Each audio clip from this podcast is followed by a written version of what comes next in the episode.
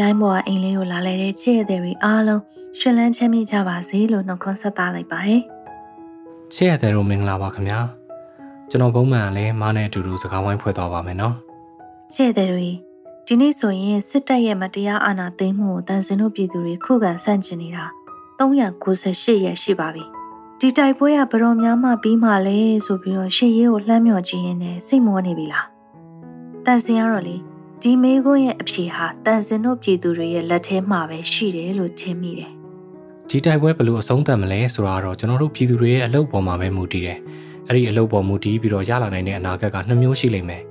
ပြည်သူပေါ်ထင်တယ်လို့ရက်ဆက်တက်ဖြတ်တဲ့သူတွေရဲ့အုပ်ချုပ်မှုကိုဆွေစုံမျိုးဆက်ခံနေရမယ့်အနာဂတ်နဲ့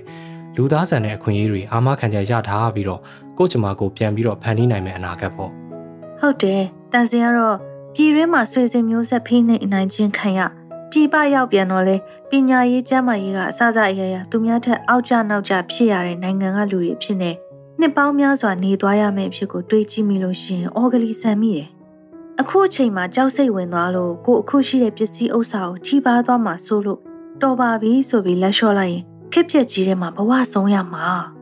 ဟုတ်တယ်မကြီးလက်နက်နဲ့အာဏာကိုချုပ်ကင်ထားခြင်းတဲ့သူတွေကစီးစနစ်ရှိတဲ့တက်လည်းမဟုတ်တဲ့ခါကျတော့ဥပဒေဆိုတော့လေသူတို့လှုပ်ချင်တယ်လို့မှောက်လို့မှောက်လှမ်းလို့လှမ်းနေလုံနေကြတာမလား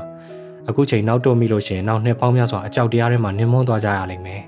မှန်တယ်အခုအချိန်ဘေးကင်းနေတယ်လို့မြင်နေရရင်တော့ဘယ်နည်းကိုအလှည့်ရောက်မလဲတွေးပူနေရတာပဲမလားကိုသွားနေလာနေကြအိမ်သားကလမ်းပေါ်မှာတော့ယူနီဖောင်းကြီးဝတ်ပြီးတော့လက်နက်ကြီးတွေကာကာကာကာနဲ့အမလီအရက်နှံ့ကလည်းတထောင်တောင်အဲ့ဒီလိုလူတွေကစစ်လားစစ်လားလောက်တာကိုခံရတာလေမထင်မထင်တယ်လို့ပတ်စံကတောင်းသေးတယ်ကိုထိလက်ရောက်စော်ကားတာလည်းပါသေးတယ်လေမလီဒါတော့တခါတည်းဖမ်းမသွားလို့ရှင် ကိုကန်လေးကိုပဲကိုမှကျေးဇူးတင်နေရတာဒါရင်ပဲကမလဲမရဲ့အိမ်ထဲမှာနေလို့ရှင်လဲလွတ်တာမဟုတ်ဘူးအပြစ်မဲ့တဲ့ပြည်သူတွေအိမ်ထဲကိုဝရမ်းမရှိဘဲနဲ့ဝင်လာတယ်ရိုင်းရိုင်းဆိုင်ဆိုင်နေပြောတယ်လူတွေကိုထင်းတယ်လို့ဖမ်းသွားတယ်အဲ့လိုသူတို့ဖမ်းကျင်တဲ့လူမတွေ့လို့ရှင်လဲတွေးတဲ့မိသားစုတွေကိုတစားကန်ဆိုပြီးတော့ဖမ်းသွားသေးတာမိသားစုဒုက္ခရအောင်အိမ်ကိုလည်းချိတ်ပိတ်တာပဲလေငါတော်လန်ရေးဆိုတာလည်းမလုပ်ပါဘူးကိုစီဝါပဲကိုလှုပ်ရှားတာပါပါတီနိုင်ငံရေးကင်းရှင်းတဲ့စီဝါရေးသမားပါလို့ဆိုတဲ့သူတွေလည်း အာနာသိမ့်မှုရဲ့ရိုက်ခတ်မှုတန်းကလွတ်တာမှမဟုတ်တာဗန်ထဲကငွေတွေထုတ်မရကြတဲ့အတော်ခံလိုက်ရပြီးသားအခုကျတော့ညံကြီးရှင်တွေကပြည်ပကိုဒေါ်လာတွေအထွက်များတယ်လို့အကြောင်းပြပြီးလုပ်ငန်းတက်တန်း၃နှစ်မပြည့်သေးတဲ့ကုမ္ပဏီတွေရဲ့မှတ်ပုံတင်ကိုတက်တန်းမတိုးပြီးတော့ဘူးလေဒီတော့ရှီစုမဲစုလေးနဲ့စီးပွားရေးလုပ်ငန်းလေးစပြီးတော့ပြောထောင်ထားတဲ့လူတွေအထိနာတာပေါ့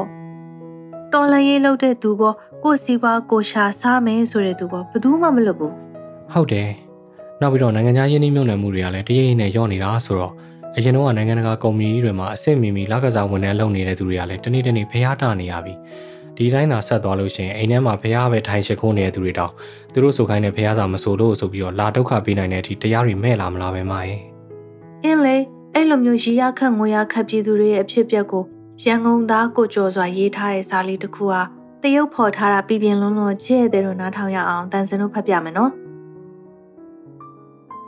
ဟိုနေ့ကလဲရရောက်တော့ခေါနေကြဖုန်းနံပါတ်တစ်ခုကိုရောင်အောင်မမထောက်ကြည့်ပြီးကမှမျက်ရည်တွေကထိန်းလို့မရလိုက်ဘူးအရင်လိုမစီကားတော့တဲ့လှဲတန်းစင်တာရှိလေကားတွေလေတွေနားမှာပေါ့ဆေးကြောင်သွားတာလား IC ကျသွားတာလားဆိုတဲ့အကြည့်မျိုးတွေဒလောရောက်လာပြီမဲ့စောက်ဖက်ကိုမလုပ်ချင်တော့တာလဲတန်းကငါတငယ်ချင်းတွေမရှိတော့ဘူး ID မှာချိန်မလားအင်းရပါမှာချိန်မလားရွှေလာမှာပဲအဝဆွဲကြမလားဆိုတဲ့ညတွေငါအခိုးခံလိုက်ရပြီပြီလေမင်းတို့ထင်မြင်ချက်တွေကိုငါဘာမှစောက်ဖက်လုပ်နေအောင်မလဲအမှန်တော့ငိုပြက်နေတာဒီတစ်ခုတည်းတော့မဟုတ်ဘူး ကယ်တာတင်းရင်တိုက်ဆိုင်တာတွေနဲ့သွားညင်လဲဝေါကနေထွက်ကြလာတာပဲအရက်တောင်ရင်တိုက်ဆိုင်လဲဒီမြက်ယူတွေကတောက်ခနဲ့တောက်ခနဲ့အော်တိုကြီးကိုငိုချချမိနေတတ်တာချင်းမိုင်ဘက်က 4K ကောကမဲဆောက်ကအော်စီနော်ဝေးကနေဒါ US စုံစုံလင်းလင်းကိုလွင့်မျောသွားရတဲ့ဘော်ဒါတွေဗီဒီယိုကောပြောလို့ရှိရင်လည်းတတိကအမြဲကတ်ထားရတယ်ဒါပေမဲ့မအောင်မြင်ပါဘူးတစ်ချက်တစ်ချက်တော့ထထပြီးအင့်မိသေးတာပဲကိုကျော်စွာကြီးရန်ကုန်မှာအေးဆေးပဲလားဆိုတော့ ခမရတို့ရန်ကုန်ကိုမသိတော့ပါဘူးဗျာဆိုတာကိုပဲပြန်ပြောဖြစ်မိနေတယ်ခမရတို့ရင်းနှီးခဲ့တဲ့ရန်ကုန်ကအခုမရှိတော့ပါဘူးလဲတန်းမှာညနေ9နာရီကျော်ရင်လိုင်းကားမတေကြတော့တဲ့အဖြစ်တွေနဲ့ခမရမရင်းနှီးဘူးခဲ့ပါဘူးဒီလိုပဲည7နာရီကျော်ရင်ရန်ကုန်လမ်းတွေပေါ်မှာဘာမှမရှိတော့ဘူး6နာရီလောက်ဆိုရင်တောက်လက်စာထိုင်ကနေထထွက်ပြီးနီးစက်ရအိမ်ပြန်လန်းကိုပြေးလွှားရှာဖွေနေကြတဲ့လူတွေကိုစီအသေးချမ်းတွေတွေ့လို့ရှင်တော့လက်ပြနှုတ်ဆက်ရုံလောက်ပဲနှုတ်ဆက်ပြီးပြေးလွှားနေကြရတာအရင်ကဟောလိဝုဒ်ကားတွေလောက်မှာပဲမြင်မှုခဲ့ပေမဲ့ရန်ကုန်ကအခုအဲ့ဒီလို ဖောက်တလုံးဝင်လာလို့ရှိရင်ဒီနေရာမမင်းနဲ့မိဘတွေကြောင့်မမင်းနဲ့အဆင်ပြေလားမမေးမိစေနဲ့ဆိုတဲ့ဆောင်းရံရှောင်းရံဒလိတွေပြောင်းလဲသွားပြီးအသားကျနေရတဲ့ရန်ကုန်အရင်ဆိုင်တွေမရှိတော့ပေမဲ့နောက်ဆိုင်တွေပြန်ကျဲပြီးအဆင်ပြေသလိုလူတိုင်းဒီပါဈေးရောက်နေကြရတဲ့ရန်ကုန်အိမ်လိပ်စာအဟောင်းတွေအကုန်ထားခဲ့လိုက်တော့ဆိုင်ဟောင်းတွေရောပေါ့ဖုန်းမှာ contact list အသစ်တွေတလက်ဟောလိုက်မှတ်နေရတဲ့ရန်ကုန်အကိုဒါညီမဖုန်းအသစ်နော်ဆိုတဲ့လေးတန်းနဲ့အကျွမ်းတဝင်ကိုနေထိုင်တတ်နေပြီစင်ကြီးဖုန်းကနေမျိုးရဲကိုတက္ကစီကတထောင်ကျော်နေတဲ့ရန်ကုန် ဘာစင်းမင်းမင်းနှစ်ဆတင်ပြီးတွက်နေရတာအသားကျသွားတဲ့ရန်ကုန်တက်တိရှိလို့ရှင်ပန်းဆိုးရမ်းမှာလမ်းပြိုင်လျှောက်ချမလားလို့စိန်ခေါ်နေတဲ့ဘန်းစကားတောင်ထွက်နေပြီခမရသာတကယ်တက်တိရှင်ပန်းဆိုးရမ်းကိုဖျက်လျှောက်ကြည့်လိုက်ဖုံဒိုင်းတက်တက်တက်ဒုံးဆိုတာတွေကပန်းဆိုးရမ်းရဲ့ဆဲလဲတမ်းပဲအရင်လိုတွေးသမျှလူနဲ့စကားတွေဖောင်ဖွဲ့ပြီးချစ်ချင်းမြတ်တာတွေမဝေမျှနိုင်ကြတော့ပါဘူးလူတိုင်းကလူတိုင်းကိုဒလန်ထင်နေကြတာ哦တူတူတုတ်တုတ်လူရင်းတူရှင်နဲ့မေးဆက်ကနေခောက်ထွက်မျက်စိကိုဖွင့်နားကိုဆွင့်ဒုံးကနေဆိုရင်ဝှက်ချလိုက်ရက်လိုအော်တန်ကြရင်လက်မြောက် ကားရန်တွေတွေ့ရင်ချက်ချင်းချိုးထွက်အပြင်ထွက်လို့ရှိရင်ဖုန်းတစ်လုံးလဲပြီးတော့အခက်မတင်စူးလီလိုနေရာမျိုးမှာတောင်ဖားကုန်ခုံရနိုင်တာပဲတိတ်တော့လဲခေါင်းမစားပါနဲ့မရက်ပေးလို့အပြစ်ခံရတဲ့သူတွေကင်းလက်ကားပေါ်မှာမတော်တဆထွက်သွားတဲ့ကြီးကြောင်လဲသိနိုင်သေးတာပဲဟုတ်အကြောင်းကတော့ရန်ကုန်ကအချိန်မရွေးတည်သွားနိုင်တယ်ဆိုတဲ့ရင့်ကျက်မှုကိုလူတိုင်းတင်ကြားခဲ့လိုက်ရပြီးပြီဒါပေမဲ့ရန်ကုန်ကရန်ကုန်ပါပဲမသေးသေးခင်ထိတော့ရှင်တန်ဖို့လိုအပ်နေသေးတာသူနားလေတယ်ဒီလိုပါပဲ လမ်းကြားလေးတွေကကွက်ပြောက်ဘားလေးတွေတကားပိတ်ပြီးနောက်ပေါက်ကဝင်ရတဲ့ကော်ဖီဆိုင်လေးတွေခိုးသွားရတဲ့ကလပ်တွေတငယ်ချင်းတွေအချင်းချင်းကြားမှာပဲမျှဝေလိုက်ကြတဲ့ပကြီးပြပွဲလေးတွေဒါလေးတွေနဲ့သူတို့ဆက်ရှင်တန်နိုင်အောင်ဖန်တီးထားကြတာပါပဲသူတို့ဂုံယူပြီးအမြဲပြောရတဲ့စကားလိုပေါ့ရန်ကုန်သားတွေလေကွာဆိုတာငါတော့ဘာထူးလို့လဲ တခါမှတော့အလဲမရောက်ဖူးခဲ့တဲ့မြို့တစ်တစ်ခုဟာစင်ကြေပုံးလေးကိုရောက်နေပြီပဲလေတနေ့လုံးမှ၄နာရီလောက်ပဲလာတဲ့မီးရောက်မှိတ်မှိတ်အောက်မှာဆက်လိတ်တောက်ထိုင်ငင်းရင်အမြဲပြင်းရည်နေတတ်တဲ့ကိုကတော့အရင်အချိန်တွေအရန်ပြန်လွှမ်းမိတိုင်းငါတို့ပြန်တွေ့ကြမယ်လေကွာဆိုတဲ့စကားတော့တယောက်တည်းပြောပြောမိနေတာကြာပါပြီဂီတာတီးရင်တော့ကိုကြားရဲ့အရင်အတိုင်းပဲရန်ကုန်ကိုရှောင်လိုက်ပေါ့ အဲ့ဒီကောင်ကချက်ကောင်းထိတယ်အင်ငနဲ့ရှိုက်ပြီးဘန်းကနေနေအောင်မျက်ရည်တွေဒလဟောကြီးထွက်သွားမှာပေါ့ရန်ကုန်ကအဲ့ဒီလောက်ပြော့နေလို့မှမရတာရှင်တန်မှုအတွက်ဆက်တိုက်ခိုက်အဲ့ဒါရန်ကုန်ကျွန်တော်လည်းဖိုင်နဲ့အရှိုက်ကိုထိသွားတာပဲဗျာအရင်တိုင်းရန်ကုန်တချင်းကိုကြားလို့ရှင်စိတ်ထဲကိုမကောင်းတကယ်တော့ရန်ကုန်မှာပဲဒီလိုဖြစ်နေတာမဟုတ်ပါဘူးမြန်မာတနိုင်ငံလုံးမှာကိုအဲ့လိုဖြစ်နေတာလင်းတွေပေါ်ကနေပြီးတော့ပေါ်တင်ပုံချမ်းခံရလို့တော်ရဲကိုဝင်ရတာနဲ့ ယူနီဖောင်းဝဲကောင်တွေကြောင့်မို့၆လန့်လို့ကြီးလန့်စားစားတယ်လို့နေနေရတာပဲကွာတာတကယ်ချင်းတယောက်ပြောသလိုအိမ်မက်တွေခွေးစားသွားတာပေါ့ဗျာအဲ့ဒီလိုအမြဲကြောက်လန့်ပြီးငိုစရာတွေပဲများနေတဲ့အခြေအနေကိုပဲလက်သက်မခံချင်ဘူးဆိုရင်ပြန်တိုက်ယူဖို့ပဲရှိတယ်လူအခွင့်အရေးပြေးဝရပြီးတော့ကိုဘဝကိုကိုဖန်တီးနိုင်တဲ့အနာဂတ်မျိုးကိုမရရတဲ့နည်းနဲ့ရအောင်ပြန်ယူရမယ်ဒါဟာလွယ်တဲ့အလုပ်မဟုတ်တာတန်စင်တို့ပြည်သူတွေအစတွေကသိပြီးသားပဲလေနော် ကိုလုံးနေတာလူပုတ်ကိုတူတယောက်အတွက်မဟုတ်တလို့လူတစုကိုပဲစန့်ကျင်နေတာလည်းမဟုတ်ဘူးနှစ်ပေါင်းများစွာအမြင့်တွယ်နေတဲ့စစ်အာဏာရှင်စနစ်ကြီးကိုတော်လှန်နေတာလေပါတီတစ်ခုအတွက်လုပ်ရတဲ့နိုင်ငံရေးမဟုတ်ဘူးကိုဘဝရက်တည်ရေးအခြေခိုင်ဖို့ကိုရဲ့မျိုးဆက်သစ်တွေလူလိုသူလိုနေနိုင်ဖို့လုပ်နေကြတဲ့ကိုနိုင်ငံရဲ့အရေးပဲမဟုတ်လား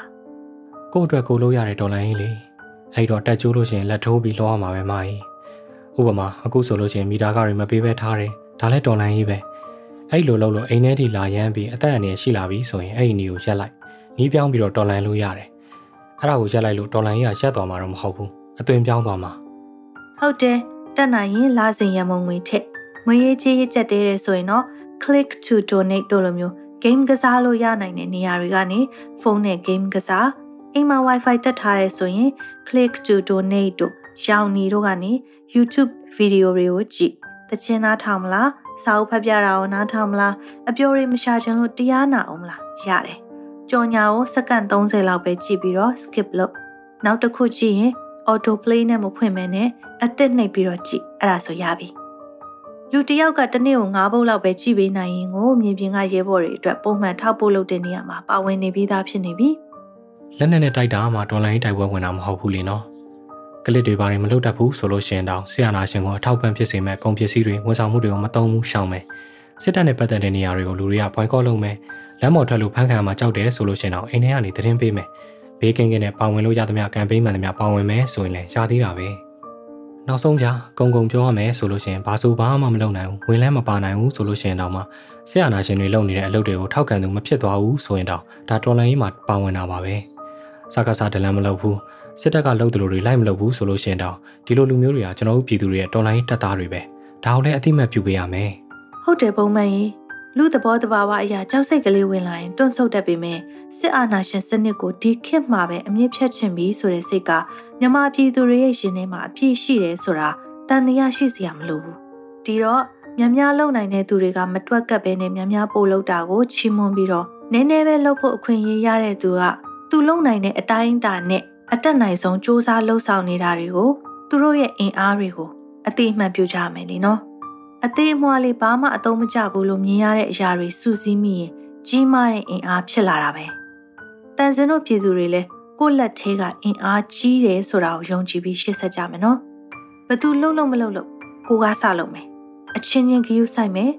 အတူတူပို့လှုပ်လာနိုင်အောင်ဆွဲခေါ်ကြမယ်ဘသူလှုပ်လှုပ်မလှုပ်လို့ကိုကနေစလုပ်မယ်ဆိုတဲ့သူတွေအတွက်အင်အားဖြစ်စေမယ် တမိုင်းနဲ့ကကြပြလေးတစ်ပုဒ်ကိုတမိုင်းဖတ်လို့သိတဲ့အသည့်ကဏ္ဍကနေမိတ်ဆက်ပေးပါရစေမိုင်းကောင်းပါပြီရှင်ချစ်ရတဲ့တို့ရေဒီနေ့မိတ်ဆက်ပေးမယ့်ကြပြလေးကတော့ကဘာကျော်ကြပြဆရာကြီးရာဘင်ဒရာနတ်တကူရေးခဲ့တဲ့အက်ကလာချိုလိုရီလို့ခေါ်တဲ့ကြပြလေးပါတကူကိုအာရှသားတွေကပထမအဆုံးစာပေဆိုင်ရာနိုဘယ်ဆုရခဲ့တဲ့19ရာစုရဲ့စာပေပညာရှင်ကြပြဆရာအဖြစ်လူတွေတော်တော်များများသိကြပါတယ် ဒါပေမဲ့သူကအိန္ဒိယနိုင်ငံကိုအင်္ဂလိပ်လက်အောက်ကနေလွတ်မြောက်ဖို့စာပေကဏ္ဍကနေတက်ကြွစွာလှုပ်ရှားခဲ့တဲ့သူတူလည်းဖြစ်ပါတယ်အထူးသဖြင့်သူရေးခဲ့တဲ့စာရီကြပြတွေကနိုင်ငံရေးလှုပ်ရှားတဲ့သူတွေကိုလွှမ်းမိုးနိုင်တဲ့စိတ်ဓာတ်ခွန်အားတွေလည်းအများကြီးပေးစွမ်းနိုင်ခဲ့တယ်လို့ဆိုရမယ်ဒါကြောင့်မို့အိန္ဒိယနိုင်ငံနဲ့ဘင်္ဂလားဒေ့ရှ်နိုင်ငံတွေကလွတ်လပ်ပြီးတဲ့နောက်ပိုင်းမှာတကူရဲ့စာပေတွေကကောက်နှုတ်ထားတဲ့စကားလုံးတွေနဲ့သူတို့ရဲ့နိုင်ငံတော်သချင်းတွေကိုဖန်တီးသတ်မှတ်ခဲ့တာပါဒီနေ့မိတ်ဆက်ပေးမဲ့အကလာချိုလိုရီကဗျာကိုတော့1905ခုနှစ်မှာ ဘင်္ဂါလီဘာသာနဲ့ရေးသားခဲ့ပါတယ်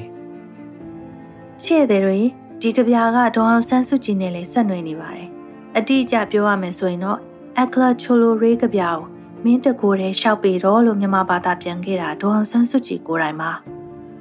မြမပြည်သူတွေအတွက်နှစ်ပေါင်းများစွာကိုဘဝမိသားစုဘဝကိုစတေးပြီးလူသားဆန်တဲ့အခွင့်အရေးတွေနဲ့ကိုယ့်အနာဂတ်ကိုဖန်တီးနိုင်တဲ့ဘဝမျိုးမြမပြည်သူတွေရနိုင်မှု တာဝန်ထမ်းဆောင်ခဲ့တဲ့ပြည်သူကောင်းဆောင်ဒေါအောင်ဆန်းစုကြည်ကပြောတယ်။တကိုးရဲ့ကြပြားတွေဟာကျမတို့ကိုယ်တိုင်အမြဲတမ်းစူးစမ်းနိုင်စွမ်းမရှိတဲ့စုပ်ကင်လို့မရတဲ့စိတ်ထက်ရေးရာအတွင်းကြဆုံးအပိုင်းထိမိအောင်လှမ်းထားနိုင်တယ်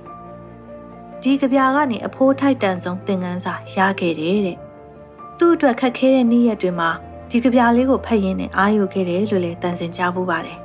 ကြပြာရဲ့နာမည်ကရှင်လန်းစရာမရှိသလိုစာသားကလည်း အားတက်စရာမရှိပါဘူးဘလို့များအာယူလဲမျိုးချစ်စိတ်ပေါ်စေလဲလို့ပြောချင်စရာပဲနော်တကယ်တော့ဒီကြပြာဟာသူများတွေကိုပြောပြပြီးမျိုးချစ်စိတ်ပေါ်လာဖို့တိုက်တွန်းနေဆိုတာမျိုးထက်ကိုကိုကိုတီးရိုစကားဆိုရင်တော်လှန်ရေးအတွက်အားယူဖို့ရေးဆက်ထားတာပါအနားမှာရှိတဲ့သူတွေရဲ့အထောက်ပံ့မရလဲမှန်ကန်တဲ့လမ်းကိုယုံကြည်ချက်ရှိရှိနဲ့အန်ကျိတ်ရှစ်ဆက်မယ်ဆိုတဲ့တကိုယ်တည်းကြွေးကြော်တမ်းလိုမျိုးပေါ့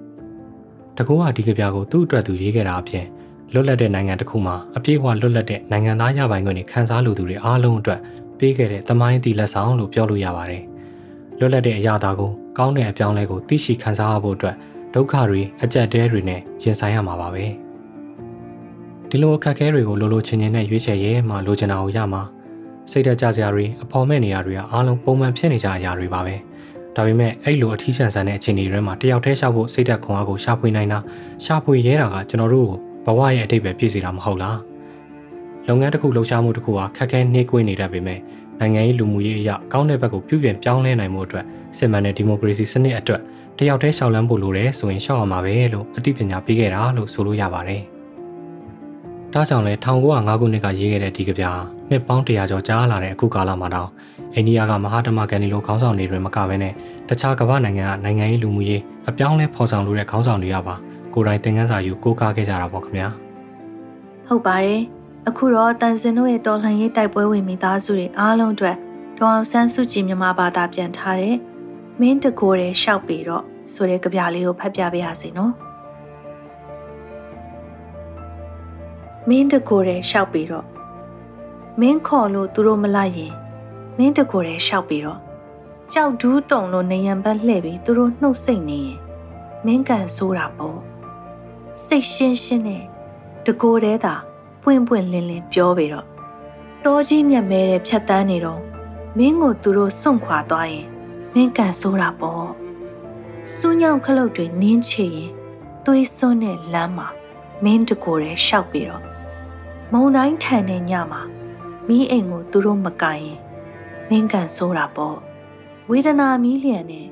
မင်းနှလုံးသားကိုထွန်းညှိတကိုယ်တည်းတောက်လောင်ပါစေတော့မှန်ကန်တဲ့လမ်းကိုလျှောက်တဲ့အခါကိုယုံကြည်ရာကိုဆွဲကင်တဲ့အခါအနာပတ်ဝန်းကျင်မှာကိုယ့်ကိုဝိုင်းဝန်းထောက်ခံတဲ့သူမမြင်ရဘူးဆိုလို့ရှိရင်လည်းတကူတဲ့ရဲရဲဝံ့ဝံ့သာတောက်လောင်ရှောက်လန်းလိုက်ပါဆိုတဲ့အတိတ်ပဲပဲနော်ချစ်တဲ့သူလည်းဒီကြပြလေးကနေနိုင်ငံအရေးအတွက်မှန်တဲ့လမ်းကိုစိတ်ရှင်းရှင်းနဲ့ လက်ပြလုံးလုံးနဲ့တယောက်တည်းရှောက်ဖို့ခွန်အားတွေရကြပါစေနော်ရှေ့တဲ့တို့ရေတန်စင်တို့ဒုက္ခတွေအခက်အခဲတွေကိုကြော်ဖြတ်နေတာတကောင်းကြော်လာပါပြီတန်စင်ကတော့တောက်လောင်ရမယ်ဆိုရင်လဲအတောက်ပဆုံးလောင်ကျွမ်းပြီးအလှပဆုံးလင်းလက်ချင်ပါတယ်ရှေ့တဲ့တို့ရောဘယ်လိုလဲဟင်တောက်လောင်ရဲလားကဲဒီနေ့တော့ဒီမှာပဲတန်စင်ရကနေနှုတ်ဆက်လိုက်ပါတယ်ချစ်တဲ့သူရင် နောက်ပတ်စနေနေ့မှာပြန်တွေ့ကြပါမယ်ခင်ဗျာလွှင့်ပြီးသားတန်စင်ရင်အစီအစဉ်တွေကို Facebook, Apple Podcast, Google Podcast, Anchor, Spotify တို့လို podcast application တွေမှာတန်စင်အိမ်ဆိုပြီးတော့မြန်မာလိုရေးထည့်ပြီးရှာရင်တွေ့ရမှာပါ